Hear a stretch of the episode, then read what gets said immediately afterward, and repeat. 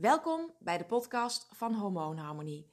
Superleuk dat je weer luistert naar deze podcast over ketogeen eten, over afslanken, over gezonde leefstijl, over hormonen, over mindset en alles wat daarbij hoort.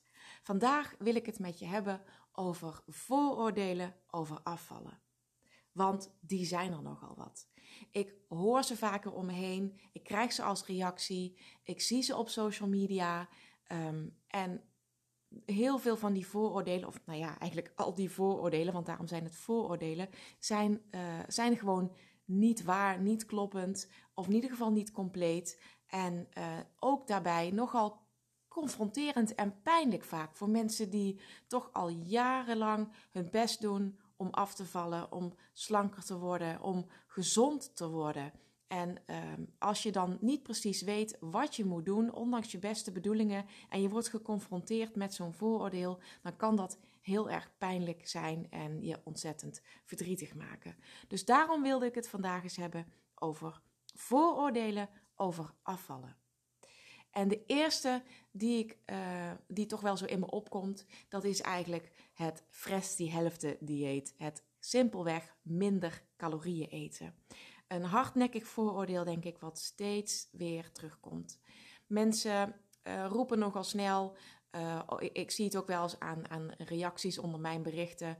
Um, nou, zo, uh, zo, het is zo simpel. Het is gewoon een kwestie van minder eten. Als je te dik bent, dan heb je gewoon te veel gegeten. Dan komt er meer in dan eruit gaat. Dus gewoon minder eten en dan is er niks aan de hand. Nou, ik denk dat jij en ik allebei wel kunnen stellen dat het zo simpel niet werkt.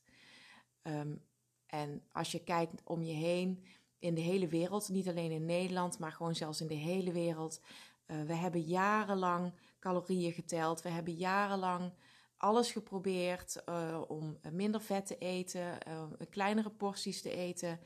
Um, nou ja, en de mensen zijn alleen maar dikker geworden. Dus ik denk dat we echt wel heel stellig kunnen zeggen dat dat niet de sleutel tot het afslankprobleem is.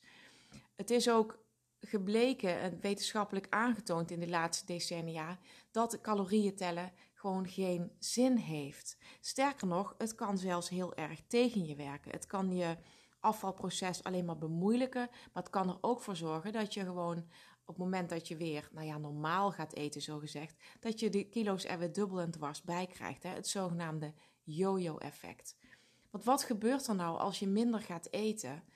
Um, je lichaam, en zeker als je, als je flink minder gaat eten dan je gewend bent, dan, dan komt je lichaam in een soort uh, stresstoestand. Je gaat, um, je lichaam gaat, gaat op de reserve. Dus je denkt, ja, als ik het hiermee moet doen, als dit alles is wat ik vandaag krijg, dan moet ik zorgen dat ik, uh, dat ik mijn, uh, mijn energiebehoefte omlaag schroef. Dus dat ik minder ga verbruiken, zodat ik er langer mee uitkom. Want je lichaam wil maar één ding en dat is overleven. Het, het, is jouw lichaam niet te doen om slank zijn, om in maatje 36 te passen of om mooi op foto's te staan. Daar gaat het niet om. Jouw lichaam wil maar één ding en dat is uh, overleven en voortplanten. Twee dingen eigenlijk. Dat um, de soort in stand houden. Daar zijn we voor gemaakt. En op het moment dat jij dus heel weinig tot je gaat nemen en weinig gaat eten en honger gaat lijden, dan gaat je lichaam in reservestand. Je, je metabolisme, je verbranding gaat omlaag. Nou ja, je zult wellicht, zeker als het de eerste keer is dat je dat doet, zul je kilo's verliezen. Je zult misschien op je streefgewicht uitkomen, misschien ook niet. Maar je zult vast en zeker wel wat kilo's kwijtraken. Maar dat is toch vaak ook een manier van eten die je niet lang volhoudt.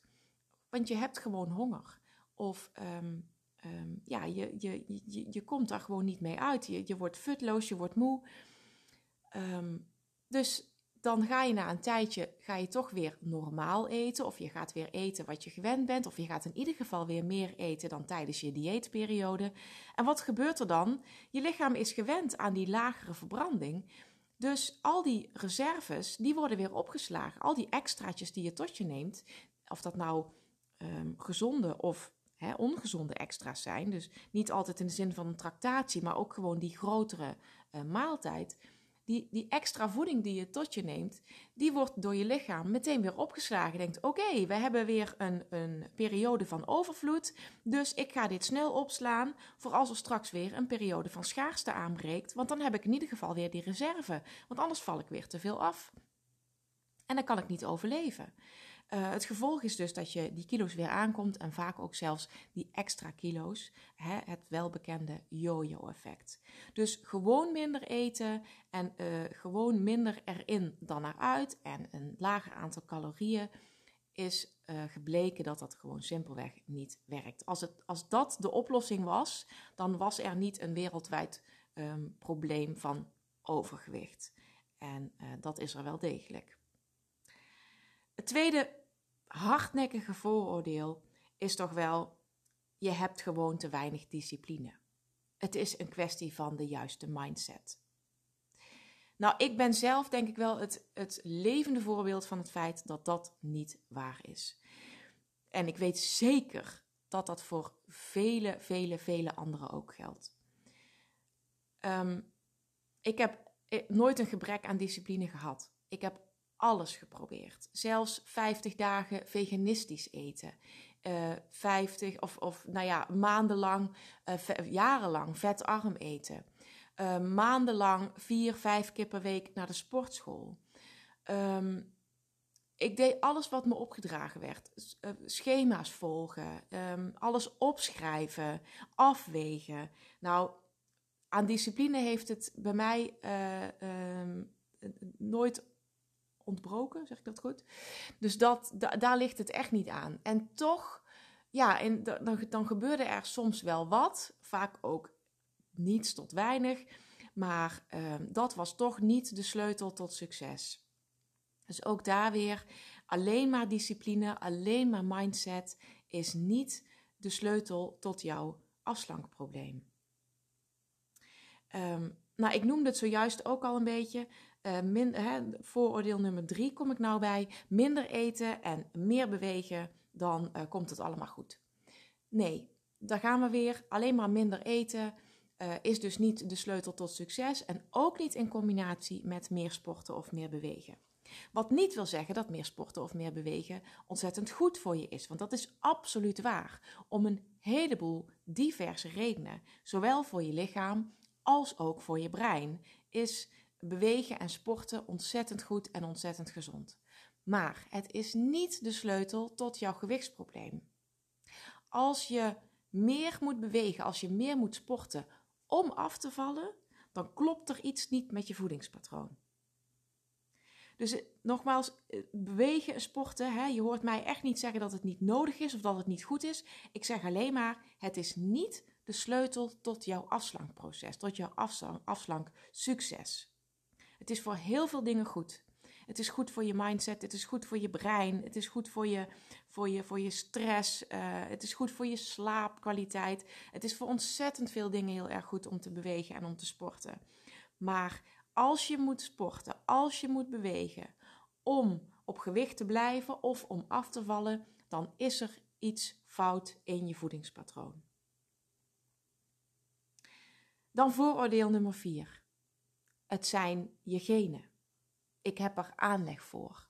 En in het verlengde daarvan, hè, uh, het zit bij ons in de familie, of ik heb nou eenmaal zware botten, of um, nou, het, is, het is mijn bouw.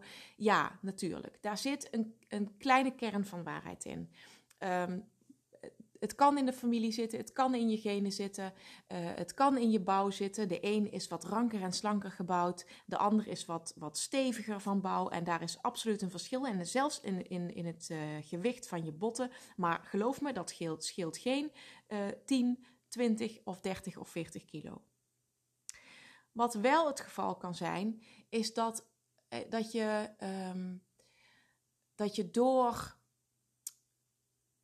uh, hoe moet ik dat zeggen? In, in, je, in, je, in je, eigenlijk al vanaf je conceptie in de baarmoeder, vanaf je groei van, en ook bij de geboorte en die in die eerste jaren daarna, kunnen er een aantal dingen plaatsgevonden hebben in jouw ontwikkeling. Of zelfs uh, tijdens de zwangerschap bij je moeder en zelfs daarvoor al bij je grootmoeder, die ervoor kunnen zorgen dat jij meer aanleg hebt om aan te komen, om dikker te worden, om uh, uh, een zwaardere bouw te hebben. Dat is absoluut waar. Maar dan nog steeds is het van belang om te kijken naar, uh, naar je voeding. En dan zou ik eigenlijk zeggen, dan is het juist van belang om te kijken naar je voeding. Um, de een heeft er inderdaad meer aanleg voor dan de ander. Maar dat neemt niet weg dat je je wel kunt focussen op wat gezond voor je is. En um, ik zou eigenlijk willen zeggen: gebruik het dus vooral niet als excuus. Verschuil je daar niet achter, maar kijk vooral naar wat is wel mogelijk. En wat, uh, wat kan je wel doen om in ieder geval zo gezond mogelijk te worden. Want ja, we zijn misschien niet allemaal gemaakt voor maatje 34 of 36 en misschien zelfs niet voor 38, maar je kunt wel kijken naar hoe jij de gezondst mogelijke versie van jezelf kunt worden. En daarom kijk ik ook nooit zo naar uh, slank zijn of naar kilo's, maar voor mij is het met name belangrijk, ook naar de mensen die je coach, naar, uh, kijk naar je gezondheid, kijk naar um, wat je kunt doen om je lichaam gezond te maken die, dat overgewicht, dat is, een, dat is een, een uiterlijk symptoom van, van processen die in lichaam plaatsvinden. Dat is een symptoom van hormonen die uit balans zijn.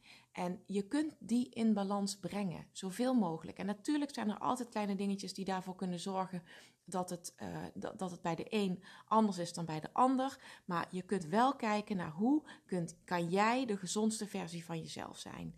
En daarbij begint het nog altijd bij voeding. Dus verschuil je niet achter het zijn mijn en ik heb er aanleg voor.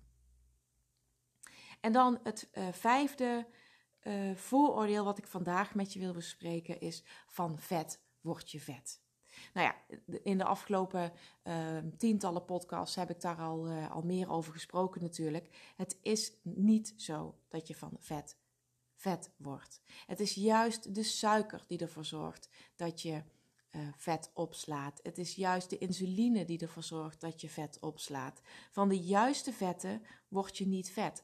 Ja, natuurlijk, ook daarvan kun je nog steeds eten. En het is niet zo dat je onbeperkt vet naar binnen kunt uh, stoppen en kunt zeggen: Maar nu uh, ben ik toch goed bezig, dus hier zal ik niet van aankomen. Nee, er zijn natuurlijk nog steeds randvoorwaarden waar je rekening mee moet houden. Maar in beginsel is het niet het vet waar je dik van wordt. Um, het, het zijn vooral die suikers, het is de insuline die ervoor zorgt dat vet opgeslagen wordt in de cel. Wil je daar meer over weten? Kijk dan even terug naar een paar eerdere podcasts, want ik heb daar al eerder uitgebreid over verteld. En ik zal er ook zeker in de toekomst nog vaker op terugkomen. Want natuurlijk is vet eten een groot onderdeel van het ketogeen dieet.